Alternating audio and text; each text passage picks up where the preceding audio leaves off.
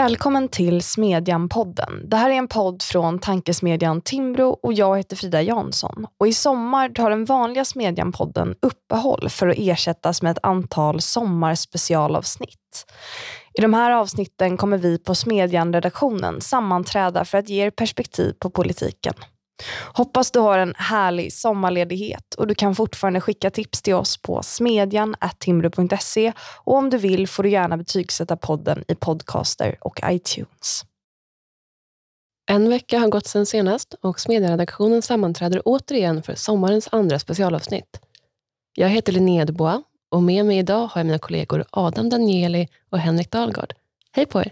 Hallå! Hallå, hallå! Med mindre än två månader kvar till valet har ju stora delar av politik-Sverige gått in i samma industrisemester som resten av landet. Det brukar ju bli så, oavsett om det är valår eller inte, att det vanliga veckomaskineriet saktar in några veckor i juli. Riksdagen är stängd, ledarredaktionerna är bemannade av vikarier, partitjänstemännen och antagligen även regeringen passar på att andas ut lite mellan Almedalsveckan och den augustispurt som kommer.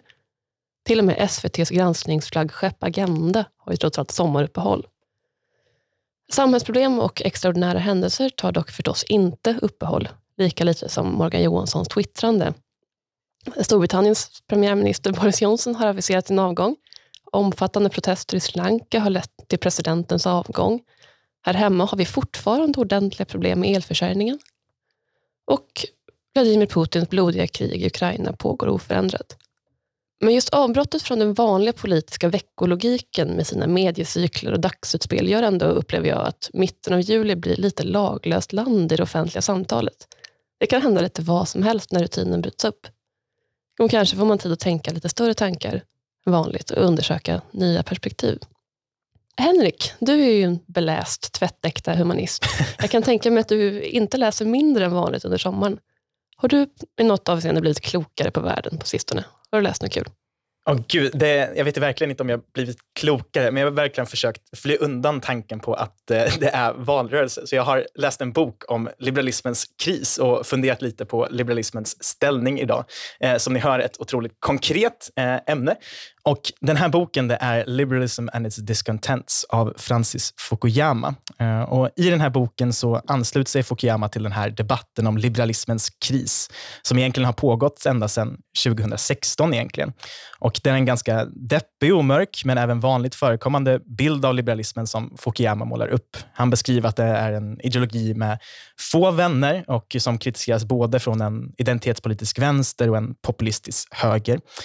Och I stort är det här en väldigt ojämn bok. Eh, det finns många bra partier, eh, framförallt de idéhistoriska beskrivningarna av liberalismen, men även dess kritiker är väldigt väl utförda. Få kan verkligen som Fukuyama förenkla och beskriva komplexa idéer på ett så lättkommunicerat sätt och verkligen spåra dem igenom historien. Eh, och För att vara statsvetare så tycker jag faktiskt han är väldigt bra på att få in den historiska kontexten och de historiska sammanhangen när det kommer till de här idéerna. Men det är inte riktigt den delen av boken jag tänkte prata om, utan han har en, en avslutande del där han resonerar lite kring varför liberalismen idag är är under så mycket kritik. Och Hans svar på det här är väl i grund och botten inte att det har med liberalismens doktrin att göra, utan hur liberalismen har utvecklats. Liberalismen har enligt Fukuyama gått från att vara en ganska bred kyrka till att efter efterkrigstiden bli allt mer ekonomistiskt dogmatisk och utvecklas till den här onda, ensynta nyliberalismen som det talas så mycket om.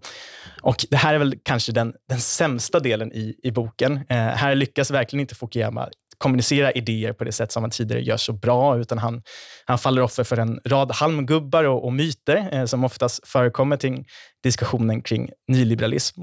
Men han har egentligen en poäng som jag tänkte ta fasta lite vid. Eh, och Det är väl att jag tycker att liberaler har har blivit lite så ekonomistiska i sin kommunikation och sin opinionsbildning. Sättet man argumenterar för de liberala idealen. Och Det jag menar med det är väl inte att man eh, bör överge liksom den grundläggande tron på vad fria ekonomier kan åstadkomma, utan att försvaret för fria ekonomier och den breda liberalismen i stort kanske inte enbart måste centreras kring effektivitetsargument. För jag tycker att liberaler har en tendens att låta lite som en nationalekonomisk Gordon Gecko ibland. Eh, man pratar ganska mycket om så effektivitetsargument, om goda makroekonomiska effekter och om arbetslinjen och, och så vidare. Men den här typen av argument och retorik måste väl kompletteras med någonting annat, eh, lite andra värden. Och de andra värdena eh, tycker jag man bör hämta från en annan person som jag har läst om lite i sommar. Eh, och Det är en av mina husgudar, eh, Deirdre McCloskey, eh, som har skrivit tre väldigt långa böcker om liberalismens och den fria ekonomins idéhistoria. Och I de här böckerna så beskriver hon att framväxten av den moderna marknadsekonomin och den moderna liberalismen eh, faktiskt var en ganska bred värderingsmässig förändring. Att man gick ifrån ett samhälle som präglades av aristokratins moral, där det var börd och heder och eh, det gamla liksom, riddaridealet som präglar vardagen. Eh, men sen så gick man över mot en mer borgerlig vardag, eller borgerliga dygder som McCloskey kallar det, där faktiskt människa, människans handlande i världen var någonting som bestämde hennes karaktär och hur hon tvingades välja och väga olika värden mot varandra. Och Det är just den värderingsövergången som McCloskey menar eh, lade grunden för marknadsekonomins framväxt, för den industriella revolutionen och verkligen liberalismen som ideologi. Och Det är väl just där jag tycker att man bör ta avstamp i grund och botten eh, och besvara den här frågan om liberalismens kris lite grann som Fukuyama eh, resonerar kring. Eh, vi var bland annat, några av oss i alla fall, här på ett seminarium i Almedalen där man pratade om om det behövdes fler bildade politiker. Eh, jag skulle väl påstå att det behövs lite mer bildning i liberalers opinionsbildning. Eh, för just hela den här värderingsmässiga framväxten som McCloskey pratar om, det är någonting som väldigt tydligt syns i litteraturen under främst 1800-talet, i framväxten av den borgerliga romanen, som det så högtravande brukar heta, eh, där författare slutar beskriva kungars stordåd och adelsmännens korridorer och istället börja beskriva hur vanliga människor i, i medelklassen levde sina liv. De olika val de tvingades göra i, i vardagen och vilka frågor man ställdes kring i ett fritt samhälle. Ehm, så min eh, väldigt pretentiösa slutsats i det här, för att komma bort ifrån tanken på valrörelser, är väl att det vore kul om vi liberaler i opinionsbildningen inte bara prata om Hayek och Milton Friedman, utan kanske refererar till en och annan dikt av Källgren, kanske en roman av Almqvist eller varför inte en pjäs av Ibsen. Eh, så det är väl sättet man, eh, jag har försökt fylla den här lilla nyhetstorkan under veckan. Det här låter ju jättespännande. Adam, visst har du också läst den här boken? Mm, precis, hans, eh, Frans Fukuyamas böcker brukar bli väldigt eh, uppmärksammade när de kom. Eh, jag har läst både den här och den, den som kom innan som, han, som är eh, inne på lite samma tema som heter Identity och som handlar om hur ett, ett liberalt samhälle, samhälle kan förstå identitetstanken och identitetstörsten eh, hos människor. Eh, jag, jag håller på ett sätt med dig Henrik om att den här han, kritiken mot nyliberalism är, den är ganska, det, det, det är tyvärr så att den, den gör en lite besviken. För Det känns som att man har lånat de absolut sämsta argumenten från både konservativt och eh, socialistiskt håll. Um, I sin beskrivning så kritiserar han ju nyliberalismen för att vara dogmatisk. Och det, är, det, är inte svårt att, det är svårt att undkomma tanken att alltså Adam Smith och Spencer och Mill som han lyfter fram som de här klassiska liberalerna som då har fört in väldigt mycket i liberalismen och som då på något sätt stod för någon slags eh, helhetssyn, för en, en, eh, en mer liksom, eh, bildad liberalism. Jag har svårt att se hur han inte skulle kalla dem för dogmatiska. Jag skulle snarare säga att det finns en mycket, mycket mer komplicerad eh, förståelse för olika värden eh, idag. Så den här idén om att förr var de bra, då var de liksom balanserade och det, det liksom tog med sig en massa idéer framåt som, som vi nu har sett som normala. Och så nu är det bara de här eh, galningarna som, som liksom försöker trycka samhället åt, åt något visst håll. De är ju bara extremister. Vi borde bara hålla oss till det här, det vi har segrat. Det är ju en ganska märklig logik, eh, för det skulle göra att vi, vi inte har Eh, vi skulle aldrig nå det samhället som vi har idag. För att människor tyckte nog att Adam Smith och, och, och, hans likar som förespråkade en mycket, mycket friare handel än vad vi någonsin har haft um, och en mycket, mycket friare marknadsekonomi än vad som någonsin har funnits i världen, att de inte skulle kunna vara eh, dogmatiska. Det är ett, verkligen ett resonemang man känner igen och som är ganska tacksamt om man vill kritisera någonting. Att säga att du var bättre för dina företrädare var bättre. Eh, jag har egentligen alltid hatat liberaler, men de gamla liberalerna var lite mindre dåliga och så vidare. Och så vidare. Jag har inte läst boken vi pratar om, men det är ändå någonting i det här eh, resonemanget som jag skulle vilja hugga lite särskilt på. Nämligen det du tog upp inledningsvis, Henrik, om olika sätt att rättfärdiga liberalismen, man ska säga, olika sätt att förhålla sig till det. Du pratade om nationalekonomer kontra någonting mer, ja, vad kan man kalla det, humanistiskt. Um, och Det finns verkligen någonting där som även jag kan bli lite trött på. Nationalekonomin har gett oss väldigt mycket i termer av tillväxt och välstånd och förståelse för vår omvärld och vår ekonomi. Men det är ju heller inte allt. Samtidigt kan man ju se det här McCloskey-aktiga du var inne på. Det kan man ju se som att det också, om man skulle vända på det, att det blir anekdotiskt. Och kanske är det också, men kanske är det också då det är som bäst. Apropå att men, referera till, inte bara till Hayek, utan också till Ibsen. Då skulle jag säga att man glömmer den liksom kvalitativa skillnaden i olika typer av referenser. För en referens är inte bara ett efternamn man slänger sig med lite här, lite där. Men när man lånar från vissa sorters teoret teoretiker så är det kanske snarare ett men, teoretiskt abstrakt resonemang man åberopar. Som Friedman skriver här och här, så finns det bara fyra sätt att spendera pengar. exempelvis. Eh, men om man hänvisar till ja, men, skönlitterära författare som ja, men, Ibsen, som du nämnde, eller Shakespeare, eller vad det nu kan vara, så är det snarare en skildring av någonting liksom mellanmänskligt eller djupt mänskligt man hänvisar till. Det är själva upplevelsen, att försöka, försöka gå in i en annan människas, låt gå fiktiva, men ändå liksom verklighetsupplevelse. Och det är en kvant, kvalitativ skillnad i olika typer av hänvisningar som jag tror är, hade varit bra om fler tog till sig. Eh, nej men Verkligen. Eh, och Jag tänker väl att det är det som gör liberalismen så rik, att man är hela det här breda idékomplexet, eller idétältet. Eh, för hela den här långa utläggningen så försöker jag verkligen inte säga att liksom det inte finns något användbart i de här effektivitetsargumenten. De har tjänat liberalismen väldigt väl och kommer eh, fortsätta att tjäna liberalismen väldigt väl. Eh, men det är också så att ofta när vänsterpersoner eller konservativa anklagar Eh, och kritiserar liberalismen så gör man det ofta utifrån det här perspektivet att liberalismen bara är en kall eh, materiell ram och det finns inget innehåll. Och just de här mer humanistiska referenserna som du benämnde, det kan ju vara ett sätt att just fylla den ramen med något innehåll. Eh, och det är väl just det som en av Fukuyamas slutsatser i den här boken är, att just försöka göra det eh, för att mota liberalismens kritiker. Det rådet, handlar det om att andra sätt att liksom, rättfärdiga liberalism är dåliga eller handlar det om en liksom, retorisk säljpitch? Jag skulle vilja säga att det handlar i grund och botten både och. Eh, när man pratar om så, opinionsbildning så är det ju mer eh, det kommunikativa, eller hur man sätter själva diskursen kring liberalismen. Eh, men jag tror också det finns ett värde i att eh, utforska andra delar av och försöka motivera liberalismen på en rad olika sätt. Jag tror i grund och botten att så, pluralism är någonting bra och att det finns väldigt många olika sätt att eh, komma till de liberala principerna är väl eh, den liberala ideologins stora styrka. Eller vad säger du Adam? Nej, jag håller inte, inte alls med. Det känns som att det är min uppgift här. Eh, eh ekonomism, det där är ju lite sådär slentriankritik som, som både liberaler och liksom nyliberaler får, men även så här, som även kan riktas mot mer gråsossar. Alltså att man har en politik som, är väldigt, som domineras väldigt mycket av nationalekonomi, effektivitetstanken, begränsade resurser. På något sätt att, att försöka Eh, det är väldigt mycket en förvaltarskapstanke. Jag skulle säga att ekonomi är mindre viktigt för liberalismen idag än vad den har varit många gånger tidigare. Eh, vi kan titta på liksom hur förändringen, eller hela liksom paradigmet med mänskliga rättigheter till exempel, som är något som finns i, i jag menar John Locke är väl urkällan på något sätt till, till den moderna föreställningen om mänskliga rättigheter som är helt frånvarande under 1800-talet, ehm, där man är mycket, mycket mer inriktad på utilitaristiska sätt att se på det, på människan som behavioristisk, eh, som möjlig att skola och sådär.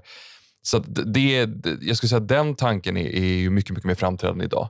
Sen kan man även lyfta fram att, att så här, tankar på eh, migration, tankar på identitet, sexualitet, den typen av livsstilsliberalism är ju framförallt i Sverige är den ju väldigt långt borta. Alltså man tänker på, vi har ju ett liberalt parti i Sverige som i princip har, eh, har en, del av sin själ att förbjuda saker och begränsa människors personliga frihet.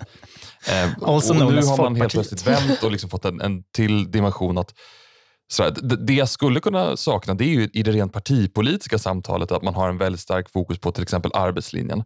Och Det har väl mer med konfliktsökande att göra. Att det har varit en konflikt som har varit viktig i svensk debatt. Vi har inte haft så många konflikter kring eh, kristna värderingar, även om det finns vissa partier som gillar det. Vi har inte haft så mycket konflikter kring, vi har inte haft eh, etnicitet och migration har inte varit historiskt sett viktiga frågor i Sverige. Utan det har handlat väldigt mycket om Eh, liksom ganska marxistiskt baserade konflikter mellan, mellan liksom, några som då påstått är arbetsgivare och några som är arbetstagare och, och hur man ska fördela, fördela kakan. Så att den här idén om att, att man skulle finnas en, en, en brist på bildning eh, jag, jag, tror att det, det på ett sätt är ett feltänk. För att jag vill inte att politiker svarar på den här typen av frågor. Och Det är väl egentligen, tycker jag, den liberalaste av ingångar. Att jag, tror, jag, vill inte, jag vill inte veta, eller klart, det vara intressant att veta vad Ulf Kristersson sitter och läser eller vad Magdalena Andersson lyssnar på. Men för mig är de bara, de fyller bara en funktion som är ganska snävt avgränsad och ska helst inte ta syre och plats från det som vi egentligen borde göra. Alltså leva våra liv, glädjas åt eh, konst och, och, musik och mänskliga relationer. Det tycker jag att, att politiken gör, gör sig bäst utan. Där skulle jag absolut hålla med dig om att den bästa politiken, den bästa staten, är den som inte gör anspråk på att svara på alla frågor om alla delar av ett liv som gör det värt att leva. Jag kan ändå sakna en viss mån av bredd i liksom argumentation och egentligen reflektion hos dels hos partiföreträdarna men också hos andra som deltar i samma offentliga samtal. Att kunna resonera kring fler delar av den mänskliga upplevelsen, oavsett om det handlar om tro eller om kultur eller om det handlar om relationer, är ju någonstans att placera sig i ett större samhälle eh, och att visa att man har en förståelse för det. Så att säga. Så här, även som politiker, om du, även om du inte gör anspråk på att bedriva en aktiv kulturpolitik, så höjer du din trovärdighet om du är ja, men så, en människa som interagerar med din omvärld på ett kvalificerat sätt. Eh, och finns inte det, då blir det väldigt liksom, andefattigt och då blir eh, siffror och politik och politiska mål allt som finns kvar. Mm moral har också en plats. Även om det är utanför politiken så är det moralen utanför som så att säga ramar in. Ja, alltså det är klart det är väldigt bra om man tar in uh, impulser och, och lär sig att lyssna på andra sfärer i samhället. Oavsett om det är den vetenskapliga sfären eller den konstnärliga eller, eller den religiösa. Eller ja, det kanske vi har inte lika mycket input av längre. Men jag vet inte om jag tycker att de behöver vara en del av det. Det, det känns som att jag, jag, vill, jag vill inte läsa politiker på kultursidor. Jag vill inte läsa kultursidor om politik. Utan det där kan ju vara två olika sfärer som får... Jag tror att de tar fram det sämsta ur varandra. så att säga. Jag tror att kulturskribenter är dåliga ledarskribenter och att ledarskribenter är dåliga kulturskribenter. De två ska vi ha så långt ifrån varandra som möjligt. Men varför då? Handlar inte, eh, ägnar sig inte båda grupperna om att tänka kring samhället och människan? Jo, men den, det, det, finns ju två... Du vill ha teaterrecensenter och politruker? Nej, jag vill att den är... Nej, den viktigaste skillnaden här är att de ena gör anspråk på offentlig makt och de andra gör det inte. De gör anspråk på någon slags intellektuell eller moralisk makt. Och Det där ska man nog inte blanda ihop. Jag tror inte att varje del av politiken har en moralisk dimension på det sättet. Jag tror att man måste komma bort lite grann från det. det har varit, vi har varit väldigt inne på att olika identiteter, olika värderingar ska genomsyra det politiska arbetet eh, på ett sätt som jag tror snarare kanske liknar en... Alltså man kanske engagerar sig i en politisk fråga på ett sätt som man skulle engagera sig i ett religiöst samtal eller ett eh, eh, medmänskligt samtal. Man, medmänsklighet tar sig uttryck i liksom inställningar i migrationsfrågan. Och Då tror jag varken att det blir bra migrationspolitik eller en generös medmänsklighet. Det blir liksom det sämsta av, av två världar. Jag tror att politiken måste vara ganska eh, ganska hårt bunden till fakta och konkreta sakfrågor. Eh, och, och, och, det är klart att Sen så är det många politiker som såklart använder olika kulturella referenser och idéer och visioner och så för, att, för att binda ihop vart man vill ta människor. Men jag tror mer ofta än inte så, så är um, det, det är försök att få offentlig makt att framstå som mycket, mycket mjukare än, än vad den faktiskt är. Det man håller på med inom politiken är trots allt att bestämma över människors liv. Vi ska inte tro att det här är människor som vill göra någonting annat. Men jag tänker, finns det inte en liten diskrepans här utifrån liksom att den direkta, konkreta maktutövning som beskriver kanske, så, ja, men som du är inne på, den kokar i grund och botten ner till dels så budgetradar, men även liksom offentligt tvång i att styra människor. Men sen finns det en annan mer intellektuell diskussion som du är inne på Linnea, som både politiker och kulturskribenter och liksom intellektuella är en del av. Och i den sfären så tror jag liksom dels att politik gifter sig väldigt väl med den här humanistiska utgångspunkten. Jag tror att de kompletterar varandra väldigt väl i och med att eh, men det är frågor som i grund och botten har att göra med vilket, eh, vad ett bra samhälle är, hur människor ska leva eh, och så vidare. Vad som är ett gott liv eh, och så vidare. och så vidare. Men eh, jag håller absolut med om att den här rent konkreta maktutövningen, det måste man hålla väldigt synlig så att det inte finns något eh, diskret tvång där, eh, som vissa skulle uttrycka det samhällssfärer som inkräktar på varandra. Mjuk makt som blir hård makt som blir mjuk makt igen. Det är inte, inte så ovanligt i det svenska samhället kan man väl säga generellt att maktsfärer och samhällssfärer glider in i varandra eller pushas in i varandra för att bli ett enda stort maktkomplex. Nej, precis. Den, den, eh, det som jag har funderat mest på i, under veckan som gått eh, har ju varit en slags nykorporativism, eller vad man ska kalla det. Jag, jag har inte riktigt landat i ett bra begrepp än. För att jag har läst ganska många artiklar om valrörelsen så som den ser ut från andra håll än partiernas. För att vi har ju väldigt många, det är inte bara de politiska partierna så att säga som går till val, utan det finns ju också en massa en massa andra organisationer som genom valen behöver liksom säkra eller försöka, försöka påverka att, att deras privilegier och, och positioner inte förändras.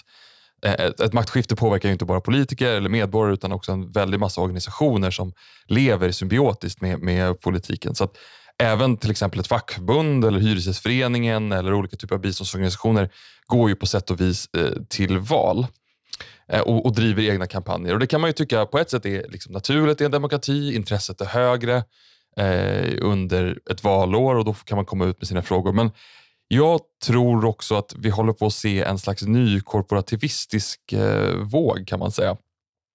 Och Korporativism är ju, det, det är ett omstritt begrepp. Eh, många kanske associerar till liksom rent fascistiska regimer, de har tagit det här längst. Men tanken är i alla fall att man ska ena eh, på något sätt olika samhällsintressen under en och samma stat. Så att istället för ett ett parlamentariskt och individualistiskt system där vi har liksom en man, en röst, så ska vi identifiera vissa fundamentala intressekonflikter i samhället och så ska man liksom ge olika representanter för varje sådant intresse en plats vid bordet och kunna söka samförstånd snarare än konkurrens och konflikt. Och Det här är något som ofta kritiseras. Jag menar, från, från liberalt håll så är det ju väldigt svårt att förena det här med någonting av det vi tror på. Det är en slags kollektivism eh, på samma sätt som socialism är det, eller på samma sätt som att bördssystem eller adelsprivilegier eh, är det. Men faktum är att vi i Sverige har haft det ganska, ganska mycket historiskt. Framförallt socialdemokratin och även den tidiga högern i Sverige har varit väldigt positiva till, till den här typen av samförståndslösningar istället för konflikter. Um, och, och, Det ekar ju även idag när man ser det, hur, hur vissa tidningar argumenterar till exempel för sam, olika typer av liksom, samregerande eh, eller så det är ju ett, ett, det är någon del av vår, vårt svenska DNA på något sätt. Och Det här har ju ebbat ut på ett sätt. Vi har inte samma typer av korporativistiska strukturer kvar i Sverige. Vi har inte eh, vi har tagit bort många av de eh, tvångsanslutningarna som fanns till både liksom, facken, a-kassan och, och kårobligatorier och allt vad det är. Men det finns fortfarande kvar ganska mycket under ytan. Och I ett samhälle som, som blir mer och mer politiserat och där fler och fler känner att de behöver och kan vara del av det politiska samtalet så känns det som att det finns allt fler som, som vill ge sig in i den här typen av samarbeten mellan det kan vara ideella, ideella sektorer, politik, näringsliv. Och Vi var i Almedalen förra veckan och där kan man verkligen, man kan nästan ta på den här samarbetsandan. Den här tanken om att mm. olika delar av samhället ska kunna samarbeta och prata om sina problem och, och, och lösa. eh, kanske inte så ofta lösa dem, men i alla fall eh, göra saker med dem. Eh, och Det brukar heta att det är bra med ett, ett starkt civilsamhälle och sådär, vilket det ju såklart är. Eh, Problemet är ju att många av de här organisationerna är ju, de, de verkar ju mot politiken. De är ju, blir beroende av politiken. De blir en slags klienter snarare än, än uh, ideella krafter som vill påverka politiken. Och man har inte sällan väldigt starka egenintressen. Um, och jag tycker att man har, jag har sett flera exempel på när det här har kommit upp på lite nya sätt. Uh, Bo Rådstein skrev en ganska intressant artikel i våras om eh, vad ska man säga, demokratiskt ansvarsutkrävande. För han har länge pratat om något som han kallar för policyprofessionella, alltså den stora gruppen människor som finns bredvid de folkvalda eller omkring de folkvalda och som på något sätt Ja, det kan vara sakkunniga eller tjänstemän eller, eller eh, andra typer av personer som påverkar politiken väldigt Sådana mycket. som vi. Ja, precis. Ja, nu är inte vi... Tankesmedjefolk tror jag räknas faktiskt, vi får vara försiktiga med vad vi säger. Ja, jag tror kanske snarare att det handlar om väldigt många människor som kanske utövar makt på departement som är politiska, politiska sekreterare i kommuner, personer som har... Menar, vi har ingen riktig maktställning här. Även om vi såklart eh, eh, driver på liksom det offentliga samtalet så har vi ju ingen direkt koppling till, till något parti eller någon maktutövning. Och han, han eh, skrev en intressant artikel, Rothstein alltså, eh, om SKR som, som är en, en organisation som är rent korporativistisk och som har varit har blivit allt mäktigare. Framförallt på, i, i pandemipolitiken så har det funnits väldigt många frågor som SKR liksom har varit, man har varit rösten för kommunerna i Sverige och, och regionerna i Sverige. Och Han frågade så här, vem, vem är de ansvariga för? Finns det någon demokratiskt ansvarsutkrävande i SKR?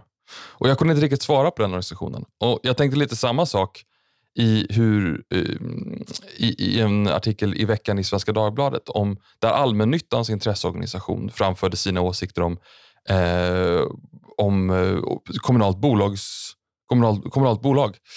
Eh, och menade att det fanns väldigt stora eh, resurser där som man skulle kunna använda mer. Det känns också som en sån organisation som där, där korporativismen liksom kommer tillbaka lite grann och att vi ser en, en renässans för det. Och Jag ser liksom allt fler problem i det svenska samhället som kommer på något sätt ifrån den här idén om samförstånd och oviljan att konkurrera och tanken att vi ska kunna prata oss förbi problem. Jag menar, på arbets och bostadsmarknaden, det, det, är de klassiska korporativa sektorerna i Sverige där man har, man har korporativa domstolar, man har korporativa eh, liksom kollektivavtalsmodeller eh, som, som väldigt många är för. Men där ser vi också allt större del av de problem som finns i det svenska samhället. Jag menar, hur ska vi någonsin kunna få in fler personer med utländsk bakgrund på svensk arbetsmarknad utan att förändra den modellen som stänger dem ute? Alltså den korporativa svenska modellen.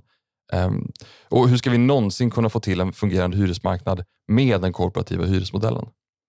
Det här är någonting som jag har funderat på och någonting som jag tror att vi har liksom gått bakåt. Det fanns en, en länge en rörelse om att vi skulle komma bort från det här och komma till en mer rättsstatlig ordning där människor kunde testa nya saker, där man inte var kollektivt bunden i olika typer av organisationer utan där människor kunde konkurrera, tänka nytt, erbjuda nya tjänster. Ehm, men nu är vi på något sätt tillbaka till en, en, eh, en korporativ våg igen. Och Jag tror att det är någonting som är, kommer att bli väldigt problematiskt för den som ska hantera både arbetsmarknads och bostadsmarknadsproblemen. Det här är ju verkligen jätteintressant. Jag satt och tänkte nu på, på den här spaningen under tiden du, du pratade om det här är någonting som för om, om man backar lite, om så här, borgerligheten traditionellt, eller liberaler brukar ju som vi diskuterade tidigare så prata om och värdera samhällets olika sfärer och att varje sfär ska få verka in i sin egen logik. Att man ska hålla borta samhället utanför staten och, eh, och så vidare. Eh, eller tvärtom blir det ju. Eh, och tror det här, liksom den här framväxten av nykorporativismen, är det någonting som vi har aktivt låtit hända? Är det liksom en konstruktion som vi har eftersträvat igen eller bara någonting som har växt fram utan att vi har varit medvetna om det? Jag vet inte. Alltså det, det är ju um det, det anknyter väl lite grann till det du är inne på, att man vill, man vill komma bort från det här påstådda ekonomistiska nyliberala tänket. Många människor ser ju till exempel konkurrens som ett väldigt, eh, någonting väldigt problematiskt. Man tycker, alltså, personligen så tycker man nog att det är ganska läskigt att vi har en massa företag som ska gå omkull till exempel. Det, det, det är ett nödvändigt ont i en marknadsekonomi. Vi har en massa, eh, vi kommer att, att, behöva riva upp en massa privilegier för människor som bor eh, alldeles för billigt till exempel i, idag. Eh, och Det låter ju väldigt hårt. Det finns en slags idé om att korporativismen är ett slags snällt sätt att lösa problem. Vi behöver inte använda konfrontation utan vi kan istället åka till Almedalen och prata om att vad är det, Sabo som är allmännyttans eh, någon sån här intresseorganisation ska prata med Sveriges fastighetsvärdar och eh, bostadsministern och så ska de liksom kunna lösa, hitta på en lösning där ingen förlorar. Jag tror att det är ganska, det, även om det är, en väldigt, det är väldigt sympatiskt, jag menar, du kan hitta stöd för den typen av lösningar i alla läger. Eh, men det gör ju också att den, den stora, menar, det, det är det som korporativismen alltid handlar om. Det är jättebra för alla som är på insidan, men du får en större och större grupp som hamnar på utsidan och som får betala hela kakan. De som hamnar utanför arbetsmarknaden, de som inte hittar en, en, en hyresrätt, det är ju de som betalar för att det här, det här mjuka samtalet ska kunna fortgå utan någon, några tydliga konflikter. Det får nog faktiskt bli sista ordet för idag. Tack Adam, tack Henrik. Tack så mycket. Behöver du som lyssnar något mer att ha i öronen i hängmattan eller på väg till eller från jobbet hittar du alla tidigare avsnitt av Smedjanpodden i flödet. Vi vill även passa på att tipsa om att vår systerpodd, Timbro förlags Ideologipodden, nu har dragit igång sin valspecial. Varje fredag, från och med i fredags, djupdyker de i ett politiskt parti. Deras historia, deras idéprogram, deras prioriteringar. Lyssna gärna på dem också. Smedjanpodden är tillbaka som vanligt nästa vecka. Vi hörs!